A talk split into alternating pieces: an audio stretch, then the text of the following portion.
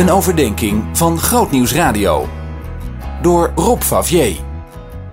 In onze serie van zes psalmen voor in de zomervakantie gaan we vandaag even kijken naar een stukje uit Psalm 27. Daar staat helemaal aan het einde de vraag: Mag ik niet verwachten de goedheid van de Heer te zien in het land van de levenden? Het is eigenlijk geen gewone vraag, maar een retorische vraag. Je weet wel wat dat is, hè? Een vraag waarin het antwoord al besloten ligt. Dus de dichter zegt eigenlijk dat hij die goedheid van de Heer al ziet in het land van de levenden. Best een klus hoor, om die goedheid te ontdekken. Eigenlijk zegt het geloof vaak zulke dwars tegen de draad in dingen die volkomen haaks lijken te staan op de werkelijkheid. Zie jij de goedheid van de Heer in het land van de levenden? Als ik kijk hoe we zo al met elkaar omgaan, zie ik bepaald niet altijd goedheid. Nu de coronacrisis een beetje ten einde lijkt, pakken we alle oude slechte gewoonten weer op. We hebben er helemaal niets van geleerd. En al die mooie artikelen die vorig jaar verschenen, dat deze crisis een kans is om het helemaal anders te gaan doen, die liggen inmiddels alweer onderin de onderste la. Ik las net in de krant dat de vette hap en de drank nog onverminderd populair zijn, terwijl er al jaren gepraat wordt over gezonde leven en bla bla bla. Maar toch wil ik de goedheid van God hier ontdekken. Waar anders?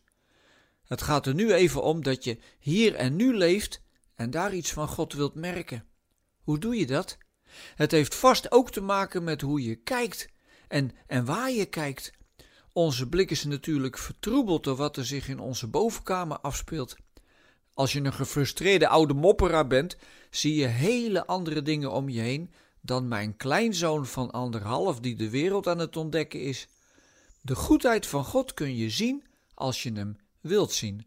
Natuurlijk, in de vakantie zeggen we wel eens tegen elkaar dat de wereld zo mooi is gemaakt dat je wel kunt zien dat er een God is.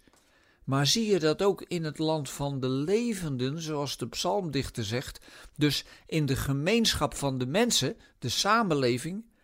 Dat zouden we eens moeten vragen aan die organisaties die zich bekommeren om daklozen en verslaafden.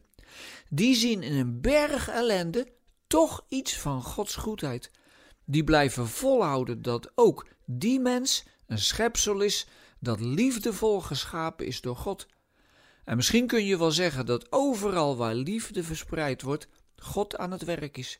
Ook als die liefde verspreid wordt door mensen die niets met God hebben. Ja? Nou, vast wel.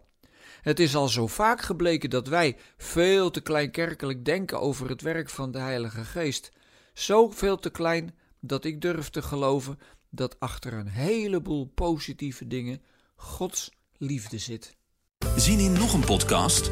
Luister naar Bij Jorike, de podcast, via grootnieuwsradio.nl slash podcast.